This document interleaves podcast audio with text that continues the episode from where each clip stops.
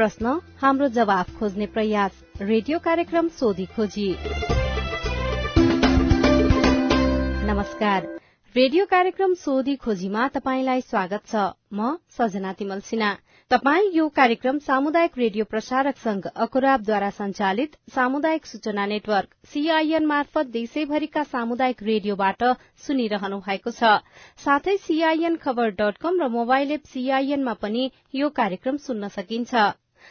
आम नागरिकमा लक्षित कल्याण र समुन्नतिका लागि प्रजातान्त्रिक पद्धति अपनाई कानून बमोजिम संचालित कुशल पारदर्शी र जवाफदेही युक्त शासन प्रणालीलाई सुशासन भनिन्छ। सुशासनले विधिको शासनमा विश्वास गर्दछ।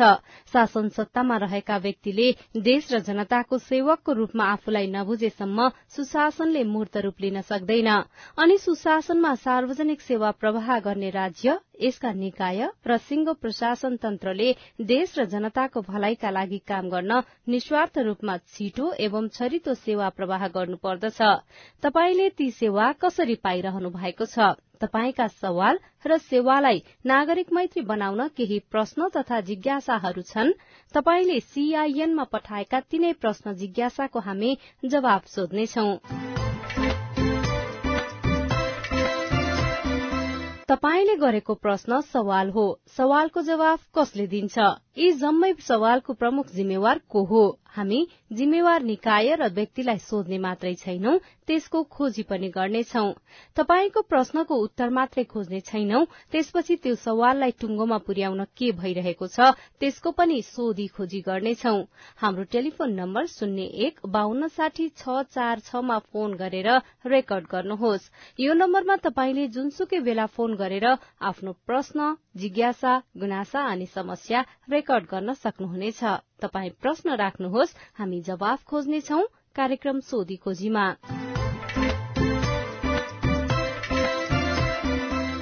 देश संघीयतामा गएपछि सात सय त्रिपन्नवटा स्थानीय सरकार छन्। सात प्रदेश सरकार र केन्द्रमा संघीय सरकार छ। संघ प्रदेश र स्थानीय सरकारबाट सम्पादन हुने काममा ढिलासुस्ती छ। अनियमितता भएको छ नियम मिचेर कसैले काम गरेको छ भने तपाईँले ती गुनासा सीआईएनमा राख्न सक्नुहुनेछ। घर दैलोमा सरकार पुगेपछि नागरिकले प्रभावकारी सेवा पाउने अनि विकासको कामले प्राथमिकता पाउने आशा गरिएको थियो। के नागरिकले त्यही आशा अनुसारको सेवा पाइरहेका छन्? छैनन् भने ती प्रश्न पनि तपाईँले राख्न सक्नुहुनेछ। सबैभन्दा पहिला शिक्षक सेवा आयोगसँग सम्बन्धित प्रश्न अनि ती प्रश्नको जवाब सबै प्रश्नको जवाब दिँदै हुनुहुन्छ शिक्षक सेवा आयोगका सूचना अधिकारी सुदर्शन मरहटा नमस्कार म पाँच थर फाल्गुनन्द गाउँपालिका वडा नम्बर सातबाट देउमा नाङडेन्डे लिम्बू। मेरो जिज्ञासा चाहिँ नेपाल शिक्षक आयोग यो दुई हजार उन्साठी सालको शिक्षक अनुमति पत्र लिएको दुई हजार उनसत्तरी साल भित्र तालिम पुरा नगरेमा सो रद्द हुनेछ भन्ने कुरा चाहिँ के कसो गर्दाखेरि चाहिँ ठिक होला? के कस्तो प्रावधान छ? त्यो चाहिँ जानकारी पाए हुन्थ्यो कि भन्ने मेरो यही जिज्ञासा छ। तपाईँको अध्यापन अनुमति पत्रको सन्दर्भमा शिक्षक सेवा आयोगको चाहिँ त्यो अध्यापन अनुमति पत्रको माथि बक्समा उल्लेख कुरा गरेको कुरा तपाईँले उल्लेख गर्न सक्नु भएन उल्लेख गर्नु भएन। त्यसले गर्दाखेरि हाम्रो लाइसेन्सहरू जुन उनासत्तरी कार्तिक बाइस गते जुन यो छन् कुनै चाहिँ दुई वर्षभित्र तालिम लिने सर्टमा छन्। कुनै एकासी चैत्र मसान्तसम्म भन्ने छ होइन? तपाईँ हाम्रो प्रश्नकर्ता मित्रको चाहिँ प्रश्न त्यति स्पष्ट नभएको कारणले गर्दाखेरि तपाईँको यो जवाफ दिनलाई अलिकति म असमर्थ भएँ। अर्को पटक तपाईँको लाइसेन्समा माथि बक्समा लेखिएको बेहोरा पनि उल्लेख गरेर तपाईँले एकता प्रश्न सोध्नु भने त्यसलाई म क्लियर गर्ने चाहिँ कोसिस गर्छु। है त मित्र? अहिलेलाई मैले यति भने। नमस्कार हजुर म सन्देश तामाङ बागमती प्रदेश काभ्रे जिल्ला महाभारत गाउँपालिकाबाट मेरो प्रश्न छ कि शिक्षक सेवा आयोगको लागि निम्न माध्यमिक तहको अध्यापन अनुमति पत्र लाइसेन्सको नतिजा कहिले प्रकाशन हुन्छ होला? जानकारी पाए आभारी हुन्थ्यो धन्यवाद। धन्यवाद मित्र। हाम्रो लाइसेन्सको परीक्षा हामीले चाहिँ असोज महिनाभरि निकाल्ने भनेर हाम्रो वार्षिक कार्यतालिकामा उल्लेख गरेका छन् र हामी असोज महिना भरिमा हामी चाहिँ निम्न माध्यमिक तहको लाइसेन्सको चाहिँ नतिजा प्रकाशन गर्दछौँ। भीम विक्रम साई बर्दियाबाट मेरो प्रश्न शिक्षक सेवा आयोगलाई माध्यमिक पत्र अनुमति पत्र वितरण सम्बन्धमा। अध्यापन अनुमति पत्र बुटो लिन जानुपर्ने। श्रीमती लिउज्यूको हुनुहुन्छ।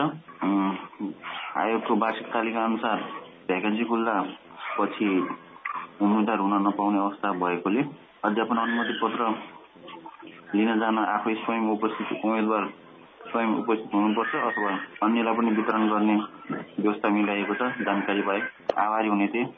धन्यवाद। धन्यवाद मित्र तपाईँको प्रश्नको लागि। तपाईँको चाहिँ अध्यापन अनुमति पत्र व्यक्ति आफै स्वयं उपस्थित हुन नसकेको अवस्थामा मन्जुरी नामा चाहिँ सम्बन्धित व्यक्तिको लिएर तपाईँ चाहिँ अध्यापन अनुमति पत्रको लागि तपाईँ रूपन्देही जान सक्नुहुन्छ। रूपन्देही जानुभन्दा अगाडि उहाँ त्यहाँ चाहिँ हाम्रो विज्ञापनमै नतिजा प्रकाशन गर्दाखेरि नागरिकताको प्रमाणपत्र परिषदको प्रतिलिपि त्यसपछि एसएलसीदेखि चाहिँ न्यूनतम शैक्षिक योग्यतासम्मको प्रमाणपत्र तालिमको प्रमाणपत्र अनि नागरिकता भइहाल्यो। त्यसपछि चाहिँ नागरिकता र तपाईँको चाहिँ जुन फर्म भर्दाखेरि अहिले नगरपालिकामा पालिकाहरू चाहिँ चेन्ज भएको छन् त्यस्तो छ भने सम्बन्धित वडाको सिफारिस लिएर जानुभयो भने मन्जुरनामा सहित तपाईँले अध्यापन अनुमति पत्र पाउन सक्नुहुन्छ। तपाईँको म्याडमले जानुपर्छ भन्ने छैन। नमस्कार मेरो नाम आरुषी ओली काठमाडौँबाट। मेरो प्रश्न शिक्षक आयोगको निमावि र प्राविको दोस्रो पत्रको परीक्षा दुई हजार उनासी असार एघार र तेह्र गति दिएको थिएँ र अब यसको नतिजा कहिलेसम्म आउँछ? तपाईँले जुन शिक्षक सेवा आयोगले आफ्नो वार्षिक कार्यतालिका अनुसार निम्न माध्यमिक तहको कार्तिकमा र माध्यमिक प्राथमिक तहको मुक्सिरमा चाहिँ यो विषयगत परीक्षाको नतिजा प्रकाशन गर्ने भनेर उल्लेख गरेको छ। तपाईँले एकताल त्यसलाई हेर्नुभयो भने पनि तपाईँले परीक्षा दिने तपाईँ एउटा शिक्षक बन्न खोज्ने मान्छेहरूले शिक्षक सेवा आएको वेबसाइटमा जानु भने त्यसको जानकारी पनि पाउन सक्नुहुन्छ। अझ त्यहाँ डिटेलमा राखेका छन्। त्यो हेर्नको लागि पनि म अनुरोध गर्छु र तपाईँको दुइटै एउटा चाहिँ कार्तिकमा हुन्छ निमालीको प्राडीको चाहिँ मुक्सिरमा गर्ने गरी आयोगले वार्षिक कार्यतालिका प्रकाशित गरिसकेको छ। मेरो नाम ज्योतिका कुमारी यादव हो घर जनकपुर। म कक्षा एघारमा पढ्ने विद्यार्थी हुँ। मैले एघारमा पढ्दा ऐच्छिक दोस्रो विषयबाट सोसियोलोजी तेस्रो ऐच्छिकबाट नेपाली चौथो ऐच्छिकबाट हेल्थ लिएर पढ्न चाहेका विद्यार्थी हुँ। यदि यो तिनवटा विषय लिएर मैले पढेँ भने शिक्षक सेवा आयोगको लाइसेन्सको फारममा सामेल हुन पाउँछु कि पाउँदिन। पाउँछु भने ठिक छ पाएन भने लाइसेन्समा शिक्षक सेवा लाइसेन्सको फर्म भर्न कुन कुन विषय अनिवार्य हुन्छ भनिदिनुहोस् न। एकदम धन्यवाद प्रश्नकर्ता मित्रलाई। जुन कि अहिलेको जुन शिक्षक सेवा आयोग नियावली अनुसार शिक्षक सेवा आयोगले आफ्नो चाहिँ काम गर्छ नियावलीमा उल्लेख भएका व्यवस्था अनुरूप नै हामीले चाहिँ विज्ञापन प्रकाशन गर्ने सूचना प्रकाशित गर्ने गरेका छौँ। र त्यसै गरी तपाईँको शैक्षिक योग्यताको सम्बन्धमा जुन जिज्ञासा राख्नु भएको छ अहिले तपाईँले पढ्ने एघार र बाह्रको जुन एजुकेसनका विषयहरू लिनुभएको छ ती विषयहरूले अहिलेको जुन मौजुदा कानुनले तपाईँलाई चाहिँ अध्यापन अनुमति पत्रको परीक्षामा सहभागी हुन सक्ने अवस्था चाहिँ छैन। जबसम्म चाहिँ किनकि यसमा भनेको छ माध्यमिक माध्यमिक शिक्षा उत्तीर्ण परीक्षा कक्षा बाह्र वा सो सरको परीक्षा उत्तीर्ण गरी शिक्षा विषयमा कम्तीमा दस महिने तालिम दिएको हुनुपर्छ भनेर उल्लेख गरेको छ। त्यसकारण अहिले अहिले चाहिँ यो हाम्रो राष्ट्रिय परीक्षा बोर्डले लिने जुन बाह्रको परीक्षा छ त्यो एकल पक्षीय भएको कारणले गर्दाखेरि तपाईँको योग्यता नपुग्ने म जानकारी गराउन चाहन्छु। नमस्कार म गणेश देवकोटा। ललितपुर भैँसपाखीबाट बोल्दैछु। म शिक्षक सेवा के अरे शिक्षक सेवा अनुमति पत्र सम्बन्धमा बोल्दैछु। अनुमति यो लाइसेन्सको बारेमा जुन लाइसेन्समा माध्यमिक तहको लाइसेन्स हामीले हेटौडामा दियौँ।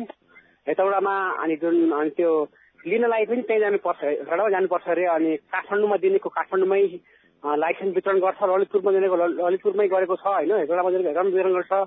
एकदमै यो शिक्षा सेवा आयोगले साह्रै अन्याय गरेको छ होइन? अब यो यसको बारेमा अब कतिपय व्यक्ति अपाङ्गता भएका व्यक्तिहरू हुन सक्छन् कतिपय अप्ठ्यारोमा परेका व्यक्तिहरू छन् उनीहरूलाई साह्रै पीडा भएको छ। एकदमै यो यसलाई के गर्न सकिन्छ यसको बारेमा अब हजुरहरूले यसो त्यो सम्बन्धित व्यक्तिलाई कृपया सफा गरिदिनु होला एकदमै यो अन्याय अन्यायमा परेको छ किनकि हामी इक्जाम दिन पनि त्यहीँ गयौँ। कोठा बस्ने हरेक कुराहरू गर्ने ठाउँ नै थिएन। अहिले अहिले आएर पनि त्यो लाइसेन्स पनि त्यहीँ जानु परेको छ। एकदमै दुःखद पछि हो कि सबैलाई त्यही हेटौँडामै पठाउनु पर्ने हो। यदि शिक्षा आएको नियममा छ भने सबैलाई अनि त्यही पठाउनु पर्ने यदि नियममा छैन भने कति काठमाडौँमा भएकोलाई काठमाडौँ ललितपुर भएको ललितपुर आफ्नो ठाउँ बाँडिरहेको छ वितरण भइरहेको छ भने अब शिक्षा के अरे हेटौँडामा दिएको त्यहीँ परेको छ। त्यो चाहिँ अन्याय भयो यो। विभेद भयो यसलाई कृपया सफ यसको लागि कृपया समाधान गरिदिनुहोस् है। धन्यवाद। धन्यवाद दिन्छ तपाईँ सर्वप्रथम चाहिँ तपाईँ माध्यमिक तहको अध्यापन अनुमति पत्रको परीक्षामा तपाईँ सफल हुनुभयो। त्यसको लागि सर्वप्रथम तपाईँलाई चाहिँ बधाई छ। र शिक्षक सेवा आयोगले विज्ञापन प्रकाशन गर्दाखेरिको अवस्थामा नै हामीले प्रदेश राजधानीको जिल्ला र बागमती अञ्चल बागमती प्रदेशको सन्दर्भमा हामीले हेटौँडालाई परीक्षा केन्द्र तोकेका थियौँ। र हेटौँडा जुन मा मात्रै हाम्रो परीक्षा सञ्चालन गर्न सक्ने अवस्था नभएको र परीक्षार्थी संख्या धेरै भएको कारणले गर्दाखेरि हामीले हेटौँडाको अलावा काठमाडौँ र ललितपुरमा पनि हामीले परीक्षा केन्द्र सञ्चालन परीक्षा केन्द्र राखेर परीक्षा लियौँ। र परीक्षार्थीहरूको प्रमाणपत्र जुन अध्यापन अनुमति पत्रलाई चाहिँ वितरण गर्ने जुन कार्यालय व्यवस्थित गर्नको लागि जुन जुन जिल्लाबाट परीक्षामा सहभागी भएको हो त्यही त्यही जिल्लाको चाहिँ समन्वय एकाइबाट चाहिँ हामीले प्रमाणपत्र यो अध्यापन अनुमति पत्रको प्रमाणपत्र चाहिँ वितरण गर्ने व्यवस्था गरेका छौँ। हामीले त्यो जुन प्रमाणपत्र वितरण गर्ने क्रममा को मान्छे कुन जिल्लाको कहाँ हो के हो भनेर हेर्न सक्ने अवस्था हाम्रो चाहिँ थिएन। र परीक्षार्थीहरूको अत्याधिक चापको कारणले गर्दाखेरि पनि हामीले ललितपुर र काठमाडौँमा ल्यायौँ। होला तपाईँलाई चाहिँ निश्चय पनि हाम्रा जुन सफल उम्मेद्वारहरू जो शिक्षक सेवा आयोगप्रति चाहिँ आस्था राख्नुहुन्छ शिक्षक सेवा आयोगप्रति चाहिँ यहाँहरूले जुन विश्वास गर्नुहुन्छ यहाँहरूको जुन विश्वास अनुसार केही चाहिँ यो परीक्षार्थी संख्या अधिकतम भएको कारणले गर्दाखेरि हामीले सम्बन्धित जिल्लामै परीक्षा केन्द्र राख्ने र यो जुन प्रमाणपत्र वितरण गर्ने कार्य चाहिँ हामी अलिकति चाहिँ हामीलाई अप्ठ्यारो भएको कारणले गर्दाखेरि ती प्रत्यक्ष परीक्षा केन्द्र भएका जिल्लाहरूमा राख्यौँ। त्यसलाई अन्यथा नलियोस् तपाईँको चाहिँ उज्जवल भविष्यको कामना गर्दै तपाईँ चाहिँ आफ्नो समय मिलाएर तपाईँ सम्बन्धित समन्वय इकाइमा गएर प्रमाणपत्र लिनको लागि म विनम्रतापूर्वक अनुरोध गर्छु र अन्य दिनमा आयोगले यस सन्दर्भमा चाहिँ केही सोध्छ भन्ने पनि आश्वासन दिन चाहन्छु। धन्यवाद। अहिले जस्तै अब उहाँले भन्नुभएको छ अपाङ्गता भएका व्यक्तिहरूको लागि साह्रै समस्या भयो भनेर। त्यस्तै खण्डमा आयोगमै आएर सम्पर्क गर्दाखेरि प्रमाणपत्र लिन सक्ने व्यवस्था गर्न सक्ने अवस्था छ कि छैन? मैले अहिलेको जुन हाम्रो यो प्रश्नको सन्दर्भमा मैले म्याडमको अर्को पूरक प्रश्नको सन्दर्भमा के भन्न चाहेँ भने जो व्यक्तिहरू हाम्रो अपाङ्ग छन् अशक्त छन् उहाँ त्यहाँसम्म जान सक्नुहुन्न उहाँको आफ्नो साथीभाइ एका घरको परिवार जो छ त्यस्ता व्यक्तिहरूसित चाहिँ मन्जुरीनामा उहाँको नागरिकता प्रमाणपत्र उहाँको मोबाइल नम्बर लिएर मन्जुरीनामा लिएर पनि अन्य व्यक्तिले पनि त्यस्तो प्रमाणपत्र चाहिँ लिन सक्ने व्यवस्था आयोगले गरेको छ। त्यसकारण त्यस्ता व्यक्तिहरू उहाँ जान सक्नु भने आफ्नो एका घरको आफ्नो साथीको जुन पहिचान खुल्ने कागजात लिएर जानुभयो भनेदेखि उहाँहरूलाई अझ सजिलो हुन्छ। नमस्ते म दिनेश नेउपानी। मैले निमाविको लाइसेन्स दिँदाखेरि मेरो त्यो ओएमआर सिटमा रोल नम्बरमा मिस्टेक भएको गोलो लगाउनेमा त्यसको लागि के कस्तो व्यवस्था छ भनी जानकारी गराइपाउँ भन्न चाहेको छु। धन्यवाद मित्र निम्नमा चाहिँ हाम्रो ओएमआर सिट भनेको तपाईँको चाहिँ त्यो जुन रोल नम्बरमा एघार अङ्कको हुन्छ त्यो एघार अङ्कको चाहिँ सही सही ठाउँमा तपाईँले चाहिँ एकको मुनि एक छ भने एकमै गोलो लाउनु पर्यो दुई छ भने दुईमै लाउनु पर्यो। क्रमशः यसै गरी चाहिँ तपाईँले प्रत्येक एघारवटा अङ्कमा सही ठाउँमा गोलो चिन्ह लाउनुपर्छ। यदि तपाईँले सही तरिकाले गोलो चिन्ह लगाएको छैन भनेदेखि तपाईँको उत्तर पुस्तिका रद्द हुन्छ त्यो उत्तर पुस्तिका पढ्न सक्दैन हाम्रो ओएमआर मिसनले। त्यसकारण चाहिँ हामीले तपाईँहरूको लागि चाहिँ जानकारी दिनको लागि पनि हाम्रो शिक्षक सेवा आयोगले आफ्नो वेबसाइटमा ओएमआर सिट कसरी भर्ने कसरी लेख्ने कसरी गोलो लाउने भनेर चाहिँ हामीले नमुना ओएमआर सिट पनि प्रस्तुत गरेको छौँ। एकपल्ट तपाईँले आफूले गरेको गल्ती गल्ती गरे त तपाईँले भनिसक्नु भएको छ। तै पनि गल्तीसित चाहिँ मेरो गल्ती भएको छैन छैन भनेर त्यो ओएमआर सिटलाई चाहिँ सरसर्ती हेरिदिनु भने अझ तपाईँ ढुक्क हुनुहुन्छ आफै चाहिँ मूल्याङ्कन गर्न सक्नुहुन्छ कि मेरो ओएमआर सिट भरे ठिक भरे भरेन भनेर जानकारी प्राप्त गर्न सक्नुहुन्छ। धन्यवाद। नमस्ते मेरो नाम शिशिर दागी। म रोल्पाबाट बोल्दैछु। अध्यापन अनुमति पत्र शिक्षकको लाइसेन्समा साउन अठाइस गतिको परीक्षामा म रूपन्दी जिल्लाको कालिका मावि क केन्द्रमाबाट परीक्षा दिएको म दृष्टिबिन अपाङ्गता भएको व्यक्ति हो। मैले बनाएको सिफारिस सहित मैले परीक्षामा संलग्न भएको थिएँ। तर मैले सिफारिस उहाँहरूले मेरो सिफारिस हेरिदिनु भएन नहेरेर मैले सिफारिस छुटेछ दिन। र मैले हाजिरी पनि लगाएको हो। योमा केही मेरो प्रश्न पत्र चेक हुन्छ कि हुँदैन? त्योमा क केन्द्रमा परेकोमा म ग केन्द्रमा मलाई राखिएको थियो। मैले क केन्द्रकै हाजिर गरेको हो। यसमा केही असर पर्छ कि पर्दैन? तपाईँले जुन कि अपाङ्गता कारणले तपाईँको सहयोगी लेखक राखेर तपाईँले परीक्षा पक्कै दिनुभएको मैले अनुभूति गरेँ। र तपाईँले परीक्षा केन्द्र ककैमा चाहिँ परीक्षा दिनुभएको छ हाजिर पनि तिनै या जहाँ गरे पनि तपाईँको क केन्द्रकै हाजिरीमा तपाईँले चाहिँ हाजिर गर्नुभएको छ। तपाईँको उपस्थिति पनि क केन्द्रमा छ तपाईँको परीक्षा केन्द्र पनि क केन्द्रमै देखिने आधार हामीले हेरिसकेपछि तपाईँको त्यो उत्तर पुस्तिका रद्द हुँदैन परीक्षण योग्य हुन्छ। र तपाईँ त्यसमा परीक्षा रद्द हुन्छ कि भनेर तपाईँ चाहिँ चिन्ता नलिनुहोस् तपाईँको उत्तर पुस्तिका परीक्षण हुन्छ। परीक्षण गर्दाखेरि तपाईँले न्यूनतम उत्तीर्णाङ्क ल्याउनु भने तपाईँ पास पनि हुन्छ। अग्रिम शुभकामना छ तपाईँलाई। मेरो नाम विपना शाही भूमे तिन मोराबाङदेखि मेरो लाइसेन्सको इक्जाममा नाम लेख्दा मसी अलि बढी खसेको रहेछ। त्यसमा हातले टच लागेर हल्का मसी नाम लेख्ने कोठा भन्दा बाहिर गएको छ। नाम स्पष्ट बुझिएको छ तर त्यो सङ्केत मानेर चेक नहुने हो कि भन्ने लागिरहेछ। के हुन्छ होला? धन्यवाद।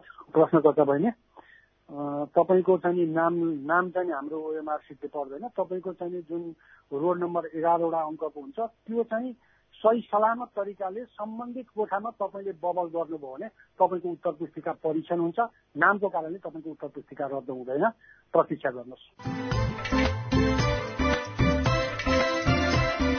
उहाँ हुनुहुन्थ्यो शिक्षक सेवा आयोगका सूचना अधिकारी सुदर्शन मरहटा आयोगसँग सम्बन्धित प्रश्नको जवाफ दिँदै तपाईँ अहिले कार्यक्रम सोधी खोजी सुनिरहनु भएको छ। यो कार्यक्रम सामुदायिक रेडियो प्रसारक संघ अकुराबद्वारा संचालित सामुदायिक सूचना नेटवर्क सीआईएन मार्फत देशभरिका सामुदायिक रेडियोसँगै सीआईएन खबर डट कम र मोबाइल एप सीआईएनबाट पनि सुन्न सकिन्छ।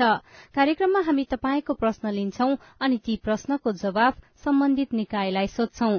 तपाई पनि कार्यक्रममा सहभागी हुन सक्नुहुनेछ। त्यसको लागि तपाईँले शून्य एक बान्न साठी छ चार छमा फोन गरेर आफ्नो प्रश्न रेकर्ड गर्न सक्नुहुनेछ यो नम्बरमा तपाईँले जुनसुकै बेला फोन गरेर आफ्नो प्रश्न जिज्ञासा गुनासा अनि समस्या रेकर्ड गर्न सक्नुहुनेछ केही बेर अघि हामीले शिक्षक सेवा आयोगसँग सम्बन्धित प्रश्नको उत्तर लियौं आयोगका सूचना अधिकारी सुदर्शन मरहट्टाबाट। अब निर्वाचनसँग सम्बन्धित जिज्ञासाको पालो। जिज्ञासा मेटाउँदै हुनुहुन्छ निर्वाचन आयोगका सहायक प्रवक्ता सूर्य प्रसाद अरियाल। नमस्कार। प्रदेश नम्बर एकबाट ताप्लेजुङको ढुङ्गे साँगुबाट म दिपेन्द्र सुनवार बोलेको। मेरो प्रश्न यस प्रकार रहेको छ। मङ्सिरमा हुन गइरहेको प्रदेश सभा र प्रतिनिधि सभाको चुनावमा स्वतन्त्र उम्मेद्वार दिनको लागि के के प्रक्रिया पुरा गर्नुपर्छ र सम्बन्धित जिल्लाको प्रदेशमा उठ्नको लागि केन्द्र निर्वाचन आयोगमा दर्ता गराउनुपर्छ कि आफ्नै जिल्लामा दर्ता गराउनुपर्छ? धन्यवाद। प्रश्नको लागि धन्यवाद। स्वतन्त्र उम्मेद्वार त्यसरी प्रदेश सभामा उठ्ने तरिकाले उहाँले प्रश्न सोध्नु भएको छ। यसको लागि चाहिँ ताप्लेजुङ जिल्ला अब तपाईँको निर्वाचन क्षेत्र जुन हो त्यहीँको निर्वाचन अधिकृत प्रतिनिधि सभाको निर्वाचन अधिकृत तोकिन्छ। उहाँले नै प्रदेश सभाको पनि निर्वाचन गर्नुपर्ने हुन्छ। प्रतिनिधि सभामा चाहिँ एउटा निर्वाचन क्षेत्र छ भने प्रदेश सभामा चाहिँ दुईवटा निर्वाचन क्षेत्र हुन्छन्। अब अब तपाईँको कतिर पर्छ कि खतिर पर्छ?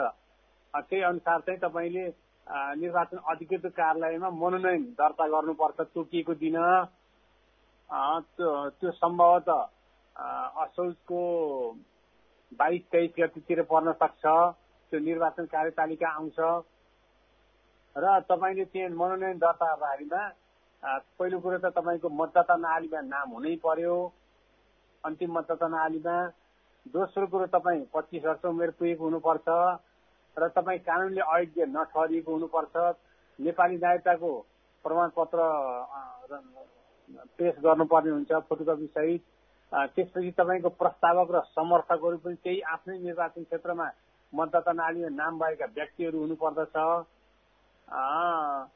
त्यसको अतिरिक्त तपाईँलाई तोकिएको धरौटी रकम अर्थात् पाँच हजार रुपियाँ चाहिँ तपाईँले धरौटी रकम चाहिँ नगदै अथवा त्यहाँ रसिद काटेर अथवा बैङ्क भौचर जे गर्दा हुन्छ त्यो चाहिँ बुझाउनु पर्छ यति कुरा भइसकेपछि तपाईँको मनोनयन दर्ता हुन्छ त्यसपछि दावी विरोध हुन्छ अनि तपाईँको अन्तिम नामावली उम्मेद्वारको नामावली प्रकाशन गरेर निर्वाचन चिन्ह दिएपछि प्रचार प्रसार हुन्छ अनि त्यसपछि भोट माग्ने अनि मङ्सिर चार गते निर्वाचन हुन्छ। निर्वाचन अनुसार मतगणना भएपछि परिणाम आफ्नो पक्ष विपक्षमा जे आयो त्यही अनुसार चाहिँ फैसला हुन्छ। नमस्कार म तनहुबाट कृष्ण प्रसाद अधिकारी। विशेष गरी व्हीलचेयर प्रयोगकर्ता र दृष्टिविहीन अपाङ्ग कर्मचारीहरूको खटन पटनमा निर्वाचन आयोगले आनाकानी गरेको पाइन्छ।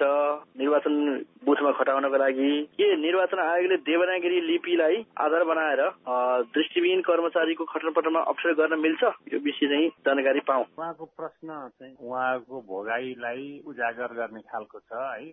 अलिकति उहाँहरूले फरक महसुस गरेकोमा हामी दुःखी पनि छौँ। तर अब सँगसँगै के पनि छ भन्दा अब हामी सबै निश्चित ऐन कानूनले बाँधिएका छौँ। अब मतदान केन्द्रमा पनि कति दरबन्दी रहने कति दरबन्दीको लागि कति खर्च व्यवस्थापन गर्ने भन्ने कुरा हिसाब गरेर नै अर्थ मन्त्रालयको स्वीकृतिमा हामीले खर्च गर्ने अप्ठ्यारी पाएका हुन्छौँ।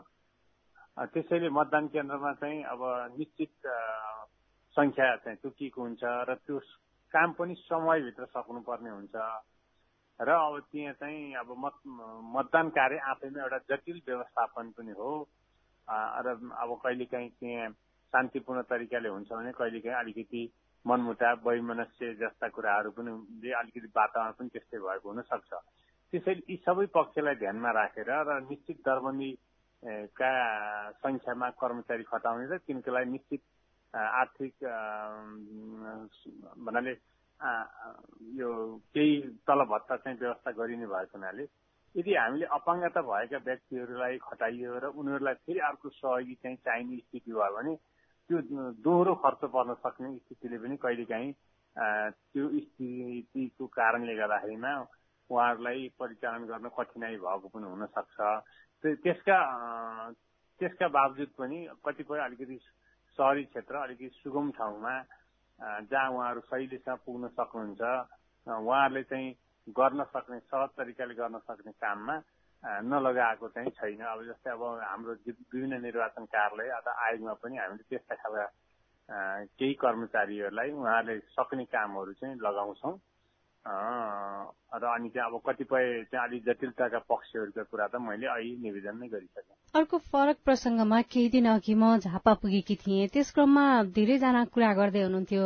मतदाता नामावली त अझै अध्यावधि गर्न पाइन्छ नि भनेर भन्दै हुनुहुन्थ्यो। अब त रोकिसकेको अवस्था हो नि होइन? होइन त्यो गलत सन्देश भयो।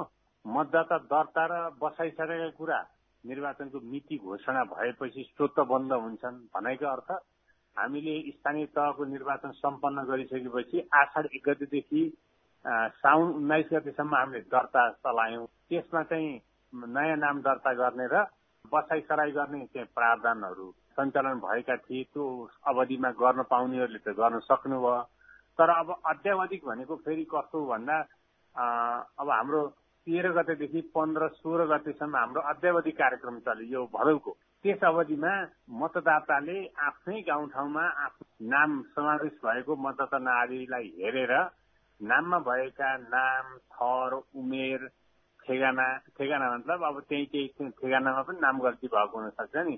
त्यस्ता कुराका सामान्य त्रुटिहरू सच्याउनको लागि जसलाई अत्यावधिक भनिन्थ्यो त्यो कार्य सञ्चालन भएको थियो। त्यही बिचमा कोही मृतक मतदाताको नाम रहिरहेको छ त्यो हटाउने कसैको दोहोरो परेको छ भने त्यसलाई हटाउने कोही बसाइ सारेर अन्यत्र गएका छन् भने त्यो नाम पनि हटाउने र नामलाई शुद्धिकरण गर्ने चाहिँ प्रक्रिया तेह्र चौध पन्ध्र र अनि चाहिँ त्यो विभिन्न खालका चाहिँ कुराहरू हटाउनको लागि सोह्र गतेसम्म समय दिएको थियो।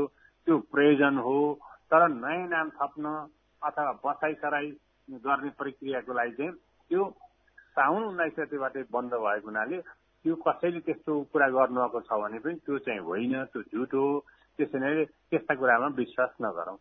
अब अहिलेसम्म मतदाता नामावलीमा नाम दर्ता नभएका अथवा सूचीकृत नभएका व्यक्तिहरूले जुन मंगिर चार गते चुनाव हुन गइरहेको छ त्यो चुनावमा मतदान गर्न पाउँदैनन्। पाउनुहुन्न उहाँले पाउनुहुन्न। अब आयोगले यो आर्थिक वर्ष सडसठी अडसठीदेखि नै त्यो मतदाता दर्ताको लागि जसरी सिडिओ कार्यालयले नायक सालैभर अथवा हप्ताको पुरै दिन अफिस टाइममा चाहिँ सञ्चालन गर्छ। त्यही तरिकाले निर्वाचन आयोगले पनि यो खुल्ला गरिरहेको छ निर्वाचन कार्यालय अनि हाम्रो एकजना कर्मचारी खटाएर जिल्ला प्रशासन कार्यालयबाट अथवा इलाका प्रशासन कार्यालयमा पनि हामीले एकजना कर्मचारी खटाएर हामीले त्यो दर्ता नियमित गरि नै रहेका छौँ। र नागरिकता लिन साथ चाहिँ फोटो खिच्ने व्यवस्था पनि छ।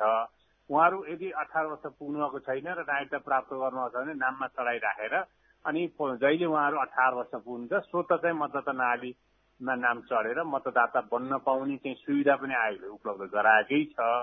त्यसका अतिरिक्त अब कहिलेकाहीँ रुखका भएको अवस्थामा पनि बिच बिचमा चाहिँ मतदाताको सुविधालाई ध्यानमा राखेर हामीले मतदाता दर्ता कार्यक्रम खुला पनि गरेका छौँ। अब यी तमाम सुविधाका बावजुद पनि यदि कोही मतदाता छुट्नु भने त्यो दुःख कुरा हो र अहिलेको निर्वाचनमा अब उहाँहरू समावेश हुन सक्नुहुन्न। जो छुट्नुभएको छ र अब निर्वाचन सम्पन्न भएर आयोगले खुला गर्न साथ उहाँहरूले फेरि नाम दर्ता गर्नलाई सरिक हुनु पर्यो फेरि बिर्सिने अनि चुनाव आएपछि फेरि हाम्रो नाम छैन भन्ने कुरा गर्नु भएन।